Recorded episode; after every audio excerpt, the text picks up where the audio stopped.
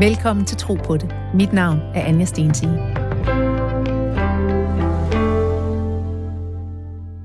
Velkommen til. Hvor er det godt at se dig. Okay, jeg troede, jeg havde set mange idylliske steder, men det her, det slår jo alting. Ja, det er dejligt. Hvad, hvad har vi? Nu prøver jeg bare lige at få vores øh, kære lytter med her. ja. Altså det fineste røde træhus. Faktisk to træhuse, der hænger Ja. sammen. Ja. Midt ude i skoven. Ja. Omgivet af alle slags træer.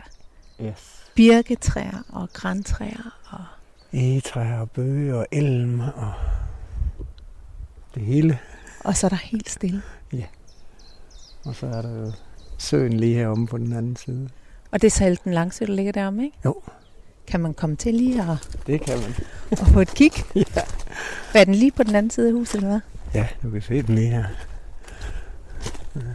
Gud, ja, man kan se den ind gennem, øh, Ja. ja. gennem ruderne. Vi har den som, vi har den som storskærm, når vi sidder i stuen. Nej, hvor er det fantastisk. Det var også det jo lidt som at komme hjem for mig Ja. til det her sø, Ja. Sølandskab, ikke? Ej, hvor er det fantastisk. Okay, så nu har vi en kæmpe stor grund, helt uforstyrret, med, med sauna derovre, er det ikke? Jo, og vildmarksbad og kold, kold kar. Ja. Kan man flytte ind? Bare en lille smule en gang imellem. Det kan man godt. og så den lille fiskerrobåd dernede. Så kan du også tage en tur i den. Tager du ud og fisker på søen? Nej, der er en ålemand her, der gør. Så Ja. der kommer en, en, en rigtig fisker og stanger ålen en gang imellem. Og så, og så er det din jord, den Det er jorden, ja. Og Det hvad, er kan du ikke lige prøve at beskrive, hvad din jord er?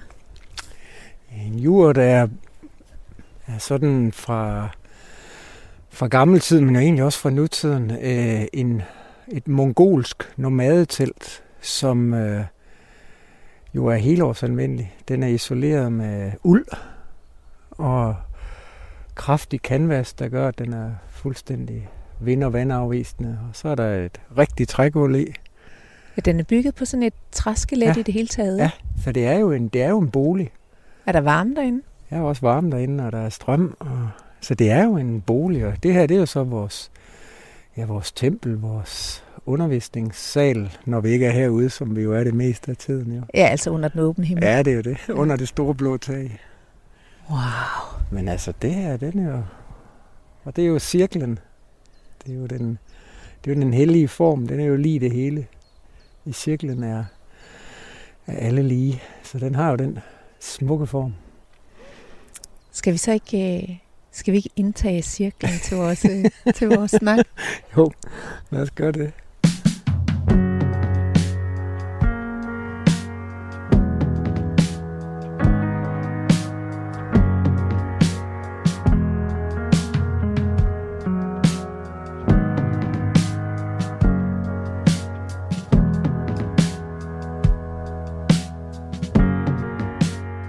Mit navn er Anja Stensig. Som forfatter, foredragsholder, åndelig vejleder og som menneske er jeg inderligt optaget af vores forhold til Gud. Min Gud er kærlighed, og selvom mine rødder er dybt forankret i den kristne tro, er Gud, kærligheden, for mig uendelig meget større end nogen religion. Min tro er funderet i selve oplevelsen af Guds nærvær. Og tro på det er et program, hvor jeg følger min nysgerrighed efter at forstå, hvordan andre oplever Gud. På tværs af religioner og livsfilosofier. Er det måske sværere for en mand at erklære åbent, at han er et spirituelt søgende menneske, der tror på, at der er noget større end os, som, ikke findes, som der ikke findes videnskabeligt bevis for? Og hvorfor er det svært at stå ved sin tro, selv når man har dedikeret det meste af sit voksenliv til en spirituel rejse? Det er noget af det, vi skal tale om i dag. Jeg er taget til en af de smukkeste egne i Danmark. Det midtjyske Søhøjland, hvor jeg selv engang er vokset op. Og jeg er her for at besøge Heinrich Johansen, der som meditationslærer og som spirituel vejleder har hjulpet hundredvis, ja hvis ikke tusindvis, af mennesker med at finde indre ro og indre svar. Og tusind tak, fordi du har inviteret mig indenfor, Heinrich. Tak. Tak, fordi du er kommet helt herover. Vi sidder jo i midten af midten, var jeg lige ved at sige, af en cirkel, af en jurt med udsigt til Salten Langsø øh, ud af vinduet. Sikkert et fantastisk rum. Ja, det er virkelig, det er et heldigt rum, fordi det er lige det hele. Cirklen er lige det hele, og her der er vi med alt det der også, og intet skal aflægges eller opnås, så her kan vi være fuldkommen. Og du har ovenikøbet stillet an her øh, i midten imellem os. Altså vi er placeret helt i centrum af cirklen. ja. Og imellem os, der har vi en, øh, jeg var lige ved at sige en gral, fordi det er sådan et, et, et bære med vand, og der er en fjer, og der er en kniv, og der er noget... Ja, hvad er det? Det er en øh, kæmpe muslingeskal fra Nordamerika, og, og så er der forskellige former for, øh, for røgelse i fra forskellige steder i hele verden. Har ja. dufter også virkelig dejligt. ja.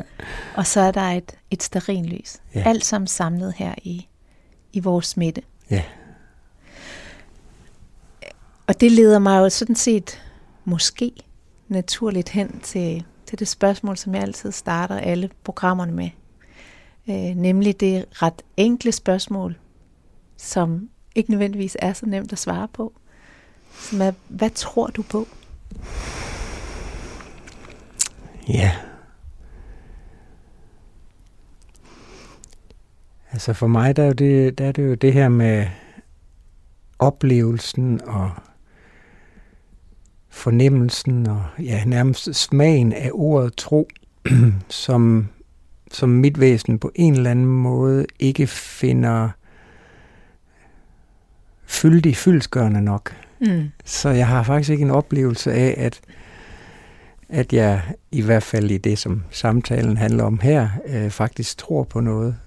Det er en fuldstændig alt gennemtrængende alt gennem erfarne øh, levende oplevelse af vidshed. Mm. Så for mig er det vidshed.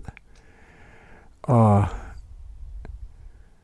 og det er en vidshed, som, som i dag, og som nu og her, øh, hele mit væsen, hver en celle og alt det, som i sig selv er helheden, at det, det har den vidshed. Det er mm. den vidshed. Det erfarer, det udlever og udtrykker, og på alle mulige måder er den vidshed. Så, så det er vidshed og, og ikke tro, i hvert fald som det opleves. Så. Og, hvad er det, dine, dine celler har vidshed om? Altså for jeg genkender jo fuldstændig den der tilstand af, at, at det her med, for mig kan tro slet ikke diskuteres.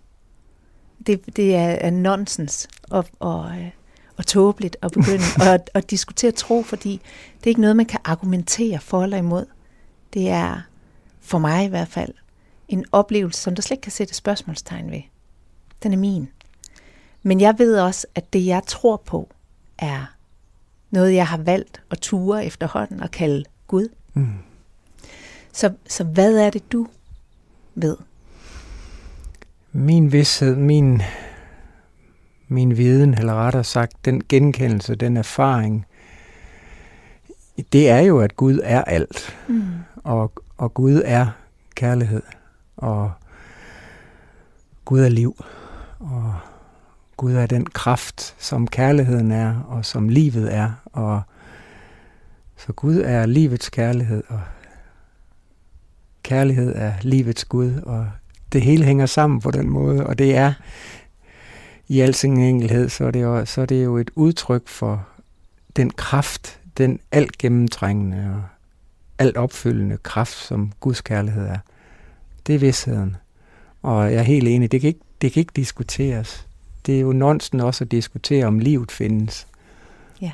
Så det er det samme. Gud er livet. Mm.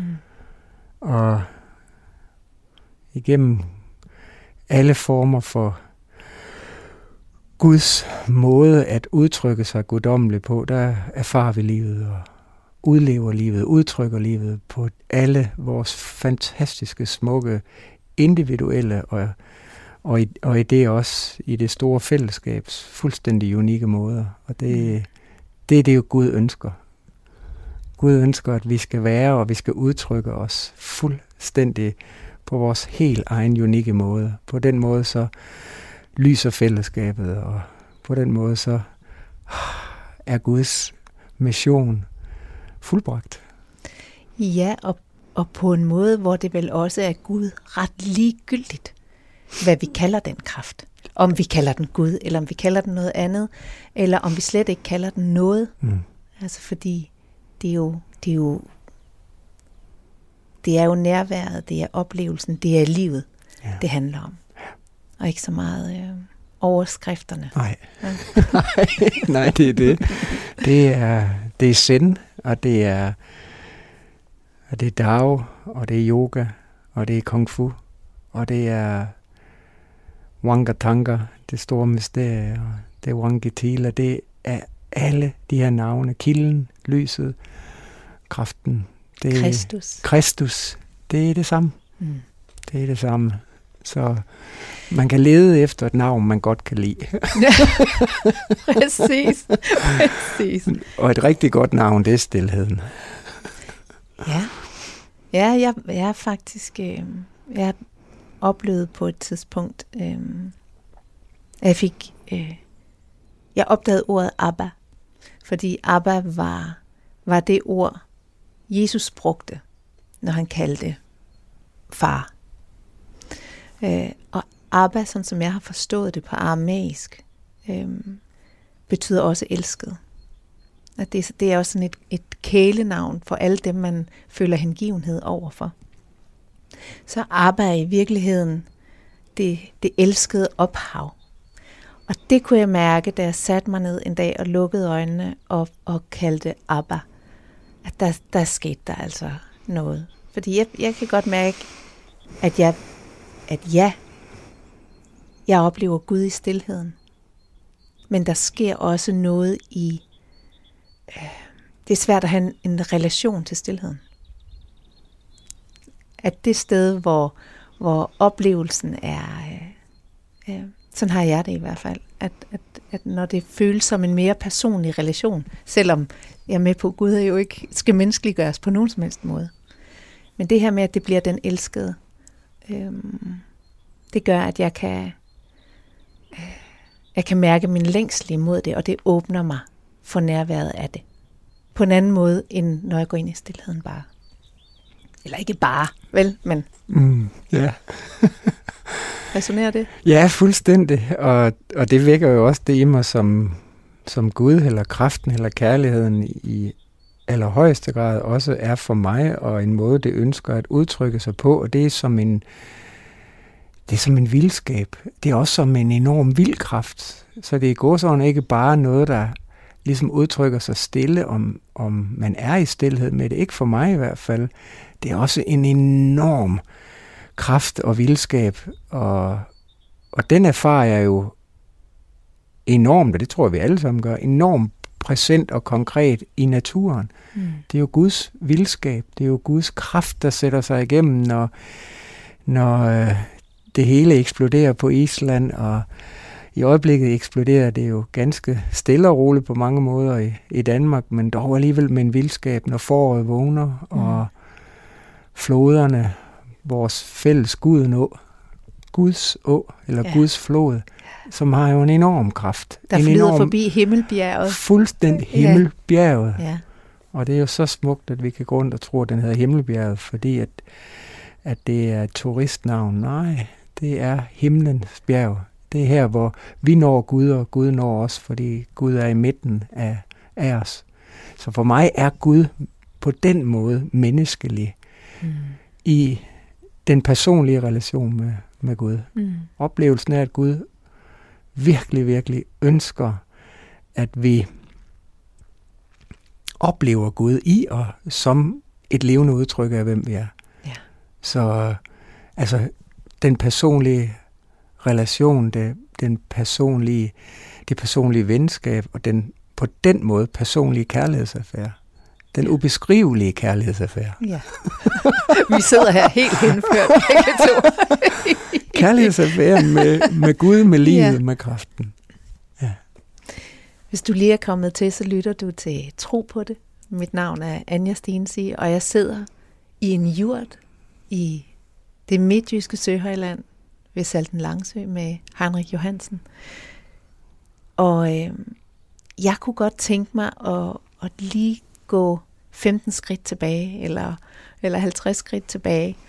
Øhm, fordi jeg, jeg ved, at, at det her med at, at leve et liv i åben tro, øhm, har jo ikke altid været selvfølgeligt for dig. Du er ikke vokset op i et hjem, hvor, hvor der har været en, en åbenlys tro, eller at tro var noget, man talte om. Så, så øhm, hvordan, øh, hvordan spirede troen frem i dig? Hvornår startede det?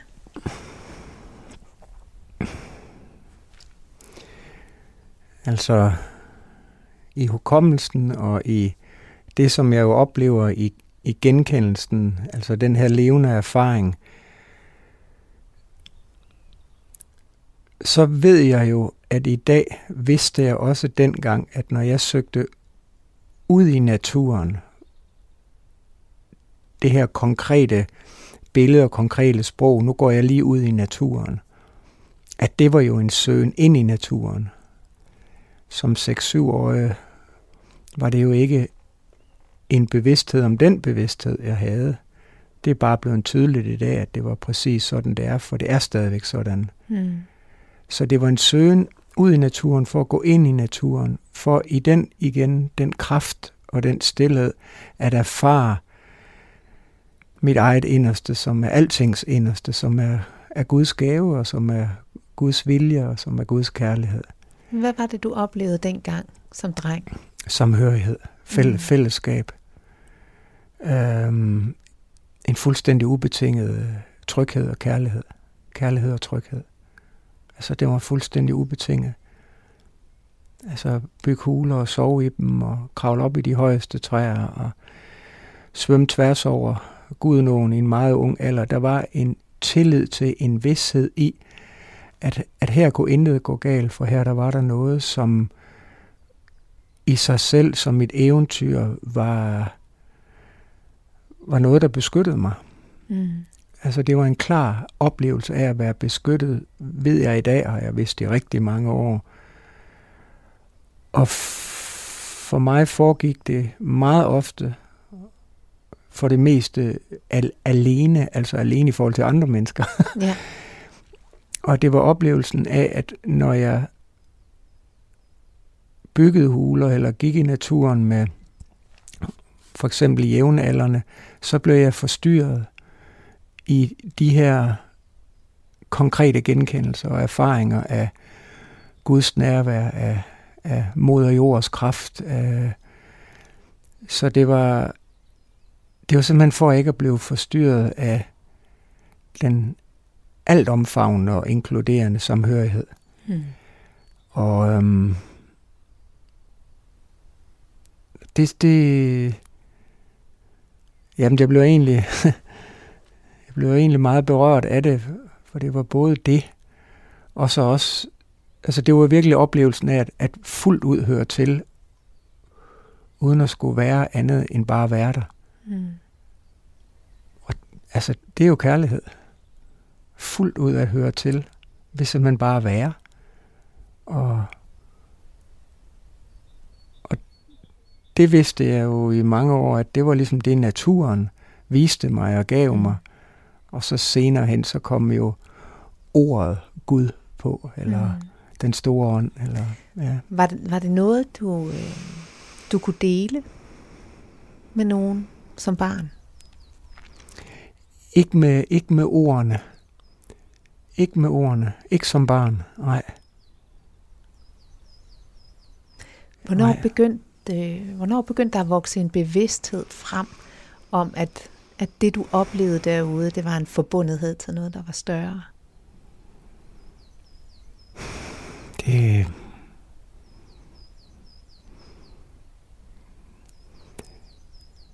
Så det spørgsmål er jo sådan...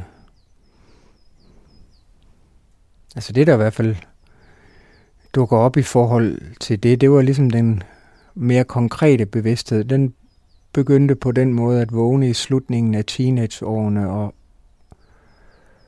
ret stærkt aktiveret af en bog, jeg fik af min mor om, om Tao eller Dao, øh, som var fyldt af citater og parabler, som når jeg læste den for jævnaldrende, også øh, ja, for andre, så forstod de det ikke. Nej. Men hele mit hjerte forstod det. Alt gav mening ved, ved de her sætninger og de her parabler, som på ingen måde var logiske. Og jeg elskede dem. Jeg har stadigvæk den bog, den er jo 33, 34 år gammel i dag. Den, den fortalte det. Hvad var det, den viste dig? Mystikken. Den, den oversatte mystikken for mig med ord. Øhm, jeg sidder og kommer i tanke om, at jeg faktisk, da jeg skulle konfirmeres, faktisk blev, øh, blev bortvist for undervisningen og fik at vide, at hvis jeg ikke rettede voldsomt ind i min opførsel, og mine forældre ikke opdragede mig bedre, så måtte jeg ikke blive konfirmeret. Man kan jo sige, at det ligesom var mit første møde med en form for tro. Mm. Og det kan man jo sige, det var ligesom en afvisning af den måde, jeg var på og udtrykte mig på. Og, og var jo i hvert fald tydelig omkring, at jeg tvivlede på autoriteter og systemer.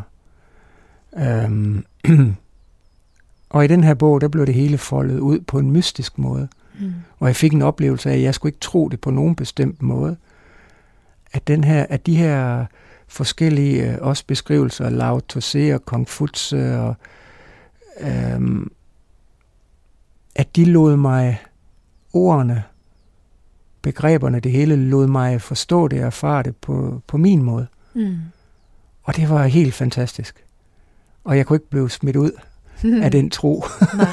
Jeg skulle ikke opføre mig på nogen bestemt måde. Det var, det var ligesom på en måde der, hvor jeg bevidst blev klar over, at, at der, der er noget her, som hele mit væsen kun længes efter at undersøge endnu mere. Det mm. var, det var sådan virkelig, her, her, her åbner livet sig på en, øh, på en måde, jeg jo intuitivt altid har vidst. Mm. Så ja. Nu ved jeg jo, at teenageren Heinrich også var fodboldspiller. og meget engageret fodboldspiller, spillede for SIF.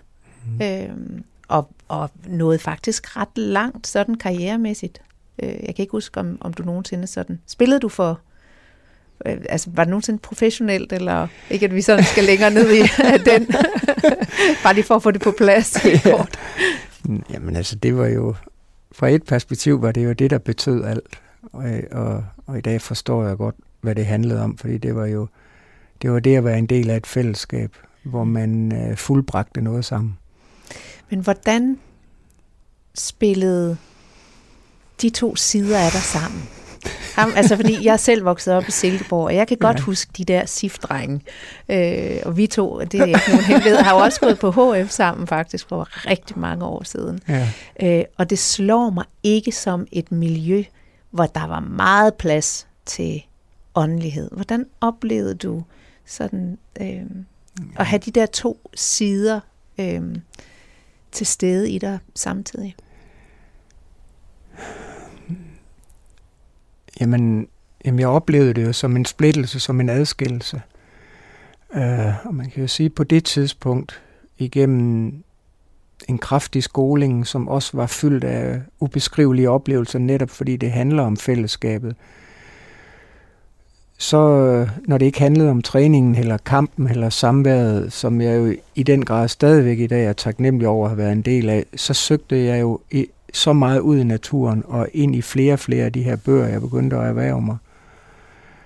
Så det var jo en adskillelse, det var jo en splittelse imellem øh, på en eller anden måde at, at træne og dyrke en ekstrem kraftig identitet og personlighed. Jeg, jeg, jeg, mig, mig, mig. Min plads, min plads, min plads. Bedre, bedre, bedre. Og så samtidig lade den her oplevelse af, at det, der er ikke kun det her. Der er et andet form for, for fællesskab. Oplevede øhm. du, at du kunne tale højt i det miljø om, om din åndelige side? Nej, slet ikke. Nej. Nej. Hvorfor uh, ikke egentlig? Jamen på den måde tror jeg ikke, altså på den, både fordi på det tidspunkt, der havde jeg jo ikke bevidst ordet ånd eller Gud øh, inden i mig. Det var jo det var heller ikke ord, jeg på den måde selv brugte. Øhm, for mig var det egentlig oplevelsen af den her energi, når, når netop energi akkumuleres. Øh, og man kan sige, når fællesskabet sætter sig igennem. Jeg brug, havde ikke selv de ord dengang. Jeg kendte ikke nogen, der havde de ord. Og når jeg så stødte på dem i min bøger, så holdt jeg dem for mig selv. Men var der noget, du var bange for? Ja, altså, det har jeg jo været fuldt klar over så nu de sidste rigtig mange år. Jeg har jo virkelig været bange for at udtrykke mig som og med de ord, mm. øh, som jo også er en splittelse og en adskillelse. Altså, når man som jeg er så stærkt trænet i at blive sat af. Hvad vil det sige? I sport bliver man sat af. Mm. så, så var der også en frygt i på en eller anden måde at blive sat af det velkendte fællesskab, hvis jeg pludselig begyndte at stikke ud. Mm. Jeg genkender jo det, du siger om Silkeborg og sporten for mig, og det er jo meget det her med, at og i, også i fritiden, altså hvem kan feste mest, eller drikke mest, eller og så videre. Ja. Ikke? Så, så at have den side også, og jeg, jeg lurede virkelig meget efter, når der kom, især når der kom lidt ældre spillere til klubben, øh, som, hvor jeg havde en fornemmelse af, her kommer der nogen udefra, der ikke er vokset op i Silkeborg. Jeg kunne mærke, at de kom med en, lad, lad mig bare kalde det en anden energi, men i dag ved jeg, at de kom med en anden form for åndskontakt. Det vil jeg kalde det i dag. Ja. Jeg var super nysgerrig på dem, og, og jeg opsøgte dem som jo en, en, ja, en lille dreng. Mm. Jeg kunne mærke, her, her er der noget andet. Men var det, var det en modenhed, som, som, som de her unge fodboldspillere måske bare ikke havde? Altså, var, var det i virkeligheden bare et spørgsmål om, at det var, at det var mennesker, som, øh, som var blevet lidt, lidt mere følelsesmæssigt modne, eller? ja, det, det... Fordi jeg tænker, så meget adskiller Silkeborg så sikkert ikke fra, fra alle andre provinsbyer i, i Danmark i forhold til, at, at der bliver det drukket godt igennem. Og det tror jeg festet. heller ikke. Jamen, altså for det første, så var de jo noget ældre. Mm. Og for det andet, så havde de, øh, så havde de faktisk været i udlandet og spille. Uh, eller var udlændinge. Så er de også, ja. Så, så jeg var vildt interesseret, så man også sige, det var jo noget med en anden kultur. Ja, måske et, et bredere perspektiv. Ja, ja, fuldstændig et bredere perspektiv. Fornemmelsen af noget, der er større. Du lytter til uh, Tro på det. Mit navn er Anja Stensi, og jeg sidder her med Heinrich Johansen i en jurt øh, med udsigt til Salten Langsø. Og øh, Heinrich, jeg, jeg ved, at der, der er en form for vendepunkt for dig. Øh, er det i starten af 20'erne, at du, øh, at du tager på en, en, en rejse, der måske også kommer lidt bag på, på dig selv, at du skulle ud på. Hvad var det, der skete? Altså i 1992, hvor du og jeg er en del af Medea-opsætningen. Den store Medea-opsætning Den store på Medea, som jo er en, en guddommelig tragedie og et, en smuk beskrivelse af, af livets, skal vi kalde det op- og nedture. Øhm, det sker jo på HF, og jeg er 22. Og der har faktisk været væk fra fodbolden og Silkeborg et par år. Jeg har været den kongelige livgørte, og jeg har været på Idrætshøjskole. Og bare for at sige det helt enkelt, der, der åbnede perspektiverne sig omkring det at være mig, det at være menneske, og det at, være, at have et liv og være i live. Og jeg vender tilbage til Silkeborg, og øh, begynder at spille fodbold igen, og der er, de vil gerne have mig tilbage, og det, og jeg spiller der et par måneder, og jeg forsøger ligesom at genfinde, genvinde den der gamle identitet, som er villig til at gøre alt for at vinde og skubbe andre væk, fordi pladsen er min. Og efter et par måneder til en træning med Superliga-holdet og den fantastiske træner Bo Johansson, som havde en stærk filosofisk kærlig side i sig, så går jeg hen til ham, så siger jeg, at det er slut. Jeg går ind og lægger mit tøj i omklædningsrummet, og symbolsk så lagde jeg mine målmandshandsker, jeg var målmand, nede på målstregen, nede i det mål, hvor jeg havde trænet og spillet fodbold og kamp i 14-15 år efterhånden, 15 år, 16 år, siden jeg var syv. Nu var jeg 22. Jeg gik hen til ham, og så sagde jeg det. Der er ikke mere. Og så lagde jeg handskerne symbolsk på den streg i midten af målet. Og så gik jeg grædende ind. Og så sad jeg der i det omklædningsrum i den bygning, hvor jeg havde siddet 10.000 gange, hvor jeg jo havde levet, stort set havde levet mit liv i fællesskaber med andre. Og der var ikke mere. Hvad var det, der var sket i dig?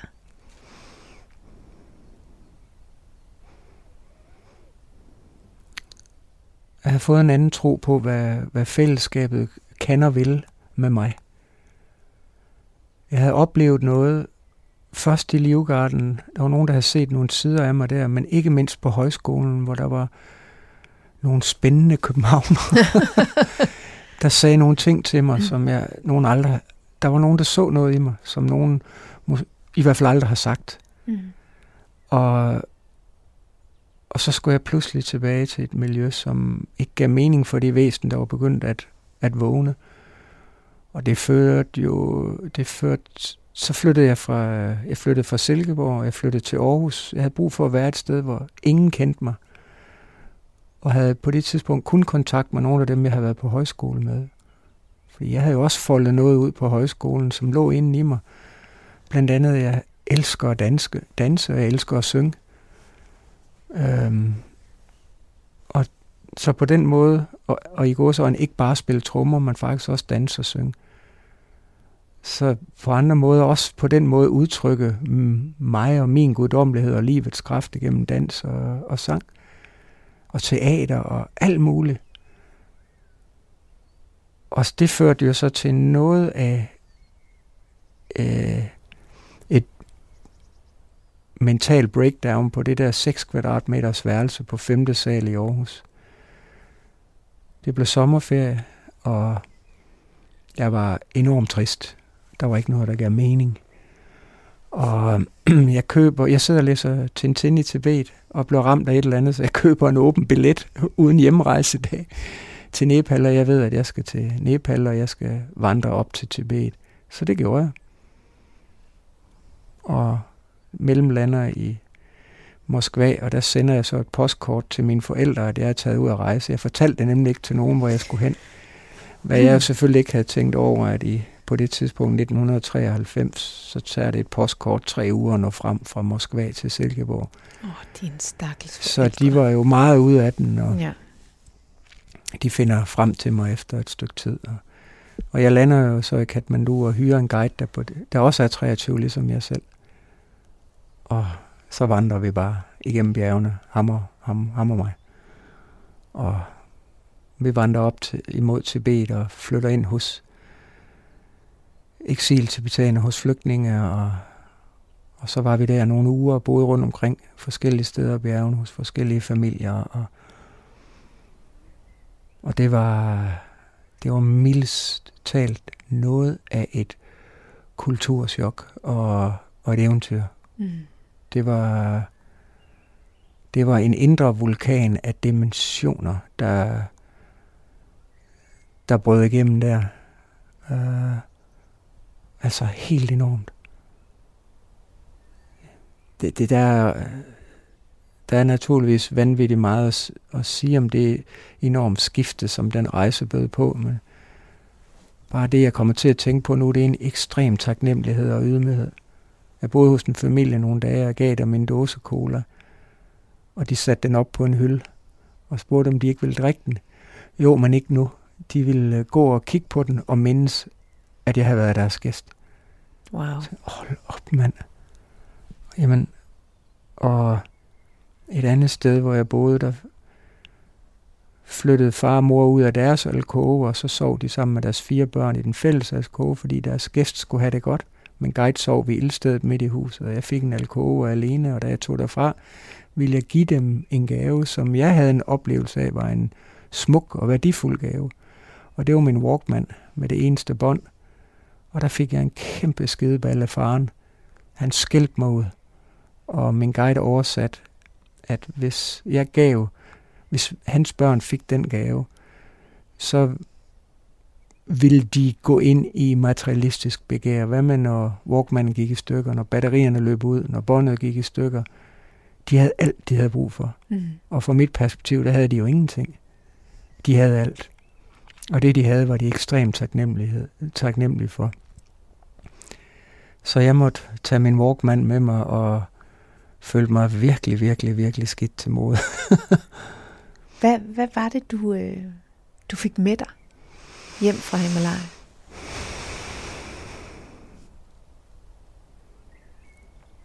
Jamen,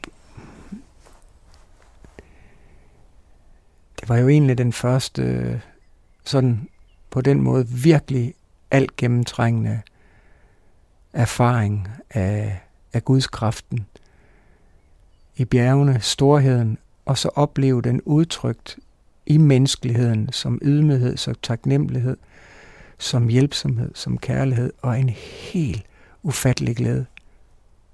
Altså simpelthen glæde. Mm.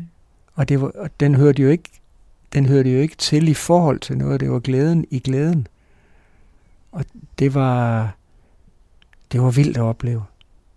Udtrykt igennem hjælpsomhed og en enorm nysgerrighed. Altså sådan, vi også, altså der var jo, der var jo ikke forskel i måden, de voksne og børnene var på. De var jo lige barnlige, de var lige nysgerrige. Mm. De var lige levende. de... hvad, hvad gjorde det for din tro? Var der nogle ting, nogle brikker, der, der faldt tydeligere på plads i dit verdensbillede eller dit gudsforhold? Altså man kan sige, det på den måde var den første fløt med, med, med buddhismen. Øh, og i forhold til, til det med gudsbilledet, så var det jo den her begyndende oplevelse af, hvad det, hvad det også for mig skaber lidelse. Det er simpelthen adskillelsen fra kilden, fra sandheden, fra Gud, fra helheden, ved at kæmpe for at, at opnå og på den måde være ja, adskilt fra sit eget inderste. Mm. Og det var det, han fortalte mig. At, øh, at grunden til, at jeg var kommet der, det var jo for at forbinde mig igen. Og, og generfare... Øh, Hvem fortalte dig det? Faren. Ja, det var det, der lå det, i den skideball. Ja. Ja, ja. Han, han sagde det indirekte. Ja, ja. og i, i oversættelsen var det jo det her med, hvad, hvad lidelse, at, altså grunden til, at jeg havde, jeg havde det så skidt, det var jo på grund af, af lidelsen.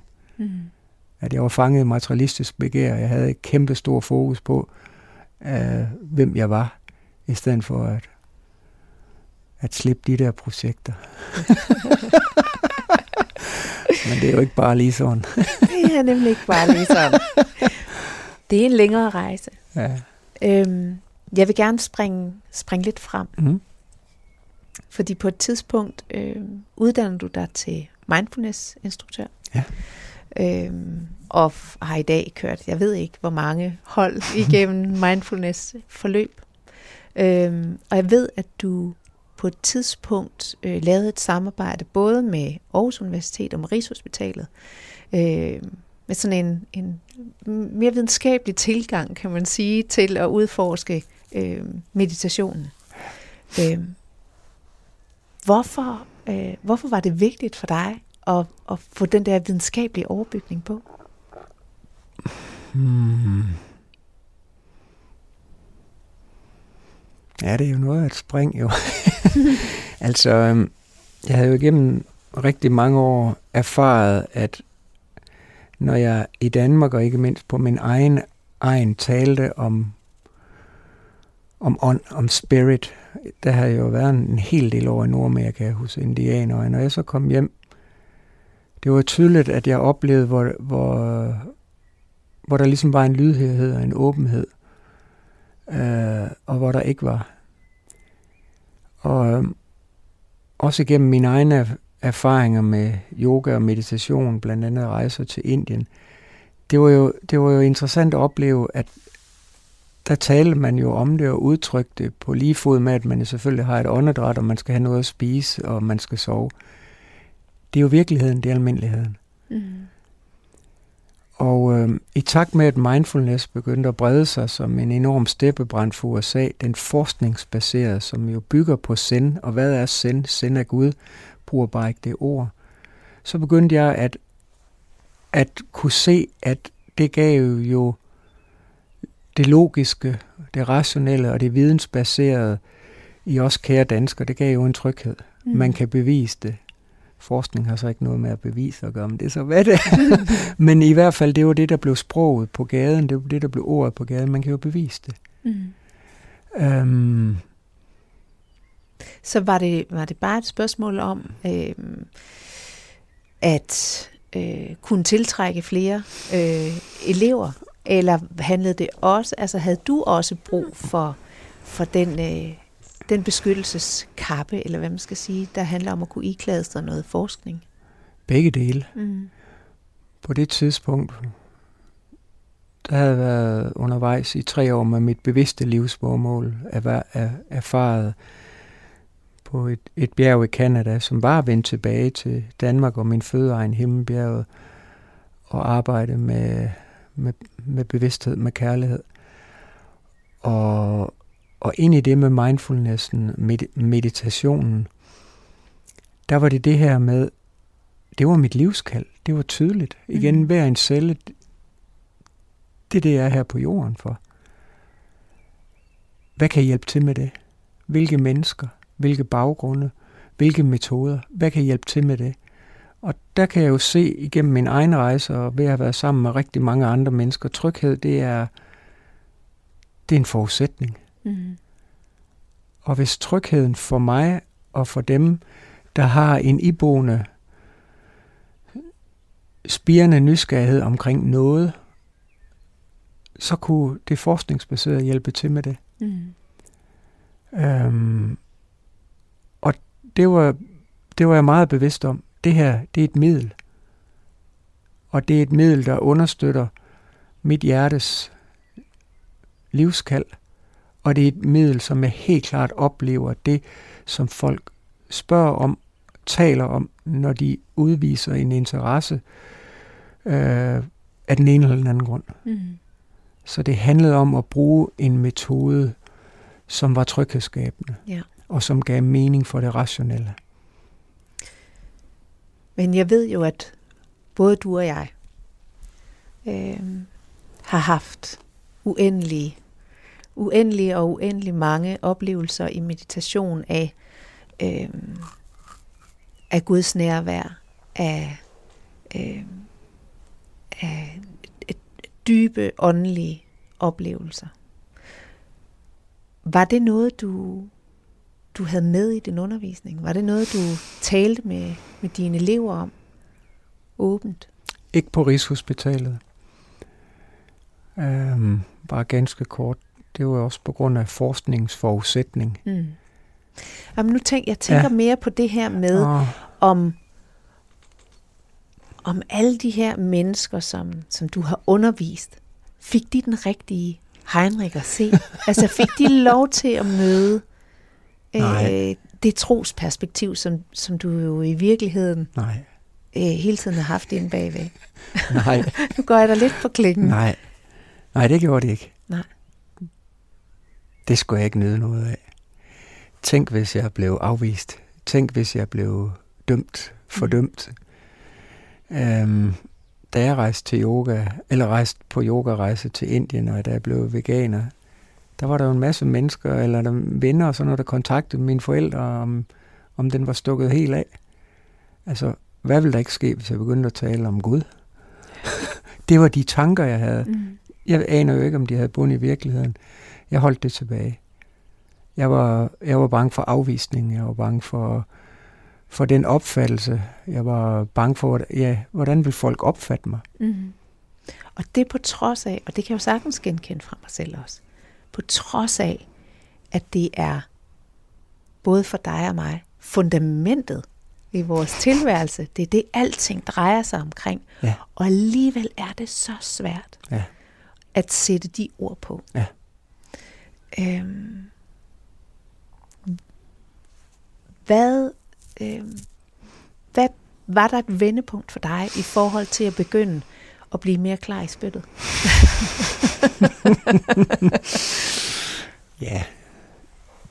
Ja, helt klart. Altså, øhm, jeg ser at få hjælp mange gange med mm, alle mulige kropssammenbrud og sådan noget, når, når, når sandheden vil igennem, når, når Gud vil kommunikere øh, sit eget inderste med og uden ord, får man jo ikke lov at slippe. Så øh, igennem oplevelsen af, at i sportsmiljøet at have været for sårbar og mild, og så gå ind i det såkaldte spirituelle miljø og opleve at være for vild og for voldsom, hvor hører jeg så overhovedet til? Oplevelsen af at begynde at opleve, at jeg hører jo til her, den blev fuldstændig understreget, og den blev eksploderet i mit møde med, med, jo med min lærer, med min mester, som hedder Tempeldal. Og der oplevede jeg bare, men her hos mig, der er du, der er du sårbar, du er vild. Du er vanvittig vild, og du er vanvittig sårbar. Her er der ingen systemer du skal passe ind i. Der er ingen traditioner, der er ingen religioner, der er ingen metoder, der er ingen teknikker. Der er dig og, og din relation med kraften, med Gud, med kærligheden, også med det, du kalder det.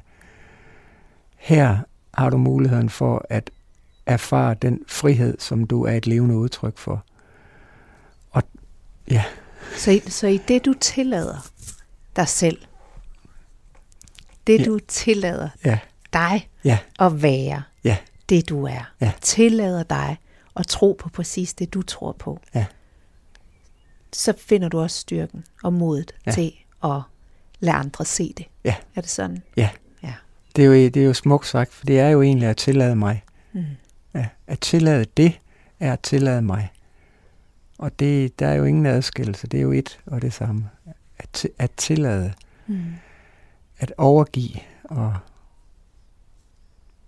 så enkelt er det. og dog. og, og, og jeg oplever faktisk også, at når først vi er landet det sted, hvor vi tillader os, så bliver vi også mødt med en helt anden accept og rummelighed af vores omverden. Ja.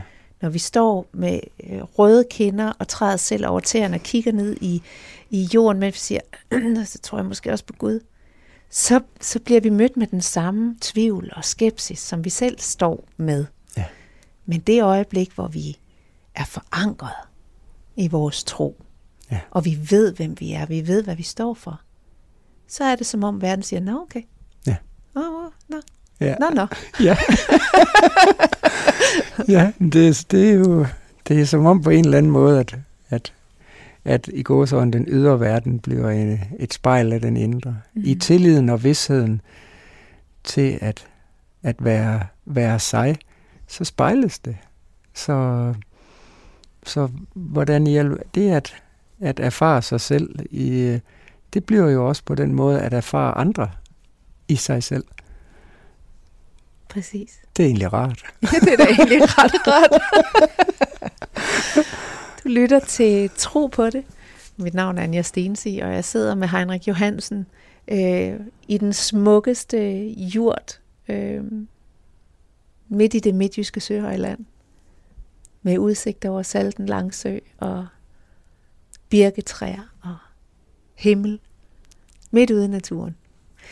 Øh, jeg kunne godt tænke mig i forhold til den her øh, Altså det her med, hvor svært det kan være at stå ved sin tro og høre dig, fordi du, har du er særligt dedikeret til at arbejde med mænd. øh, og arbejde med at hjælpe, hjælpe mænd med at genfinde øh, deres egen sandhed, genfinde deres egen forbindelse til Gud, til naturen, til deres egen sandhed. Er det sværere for mænd at stå ved at have en åndelig side, eller en tro på, på Gud, eller på noget større? I din erfaring? Ja, ja i min erfaring. Altså, det har i hvert fald været 100 procent enormt svært for mig og rigtig mange mænd, jeg, jeg kender. Så helt klart, at, at det er min oplevelse. Øhm,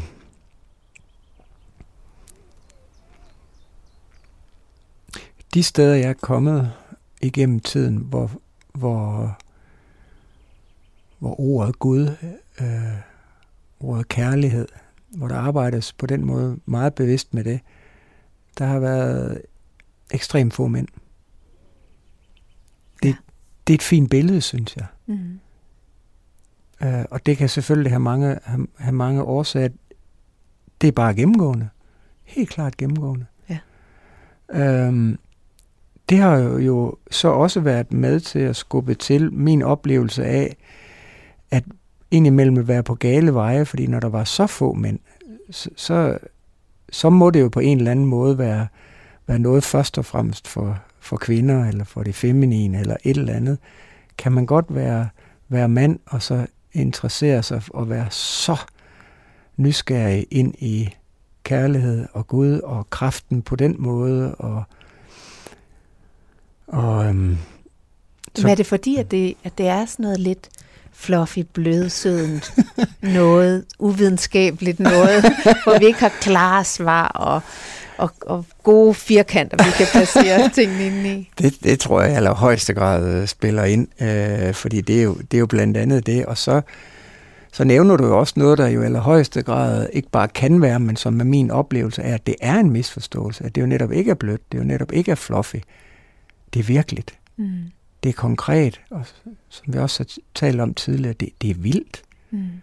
Det er enormt levende, og det er vanvittigt kraftfuldt. Så jeg, jeg tror jo fuldstændig på, jeg har jo fuldstændig vidshed i, at vi kære mænd har jo søgt og søger præcis det samme som kvinder – og vælger så nogle fællesskaber, hvor vi først og fremmest får en konkret oplevelse af, mm. at Gud findes. Vi kalder det bare et hold, mm. eller, eller et team, mm. eller et fællesskab. Mm. Jeg har fuldstændig vidsthed, at det er det samme, vi, mm. vi søger. Det er bare nemmere for, for de fleste mænd at relatere til fællesskabet og kraften på den måde. Mm. Jeg kan heller ikke lade være med at tænke på, øh, fordi i ja, i dag, når vi kigger os omkring, øh, de af os, der indimellem tager på et kursus eller et eller andet, der er inden for det her felt, vil hurtigt konstatere, at der, er 99 procent kvinder til stede. Men traditionelt set, øh, så har religionerne jo været domineret af mænd. Ja. Den kristne kirke har i den grad været domineret øh, af mænd. Øh, og man kan sige, altså den form for tro, som er defineret af klare rammer, øh, filosofi, altså øh, hvor det bliver meget mentalt, øh, tror jeg måske også traditionelt har appelleret mere til mænd. Ja. Og jeg oplever, der er et, et paradigmeskifte i gang, hvor vi begynder at bevæge os rent faktisk fra hovedet til hjertet og ned til oplevelsen af Gud. Ja. Og der tror jeg måske bare, at kvinderne har et forspring. Øh, i forhold til, og uden at generalisere for meget, for vi er alle sammen forskellige. øhm, men, men måske har et forspring i at være bedre tunet ind på det følelsesmæssige rum, på øh, øh, det, skabende, det skabende rum, end på det mentale rum. Det er også min oplevelse, og, og mine egne erfaringer, og jo også i, så også i samtaler med andre men og i hvert fald i min egen erfaring, det er jo det her med, at i det mandlige, det er jo meget, det er meget en udadgående bevægelse med en retning og et, mm. et mål og til tider også en kraftstyrke mm. for at kunne gå frem og nå frem. Min erf- erfaring er jo så, at i genkendelsen, erkendelsen af det guddommelige, det er jo en, en indre overgivelse. Ja.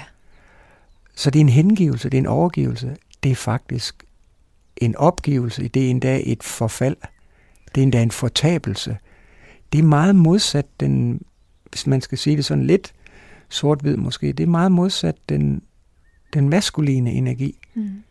hvor det også er, hvor det kan have store drastiske omkostninger for sin selvopfattelse som mand, at ryge i en fortabelse af sin identitet mm. og sit stærke jeg, som er opnået igennem store indsatser. Ja. Og her er der ingen og hårdt indsats. Arbejde. Hårdt arbejde. Ja. Her er der ingen indsats. Nej. Og det der jo er, er, er kernen, det er, at du skal modtage. Det er det. Og det er jo øh, sådan helt fundamentalt jo en, en, en, en kvindelig egenskab. Ja. At være den modtagende. Ja. Det giver meget god mening. Men jeg tror nok, I skal komme efter dig, Henrik. tak. det tror jeg også. Der sker nogle virkelig spændende bevægelser ja, det gør med virkelig. det. Ja. Virkelig spændende. Jeg slutter altid de her øh, udsendelser af med at spørge den, jeg er sammen med, om vi skal bede sammen. Øhm, beder du? Ja, rigtig meget. Mm. Ja. Har det en særlig form, din, din, din måde at bede på, din måde at kommunikere med, med Gud på? Altså, jeg har jo rigtig mange forskellige bønder, og først og fremmest så er det, når jeg går i naturen, men egentlig så er den gennemgående øh, bønden. Og der har jeg så en primær bøn, en mm. primær gennemgående bøn, som jeg holder enormt meget af, og som har været den gennemgående de, de senere år. Ja. Har du lyst til at, at lede os i bøn afslutningsvis? Ja, ja meget gerne. Fantastisk. Ja. Så,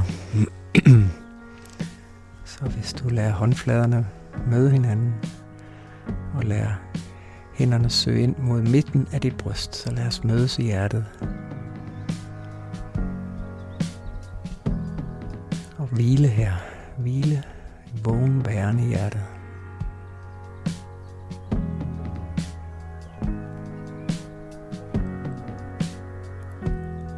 Der er kun Gud. Gud er alt som er. Så ske nu din dybeste sandhed og vilje i og igennem dit læme her, hvad den så end er. Der er kun kærligheden.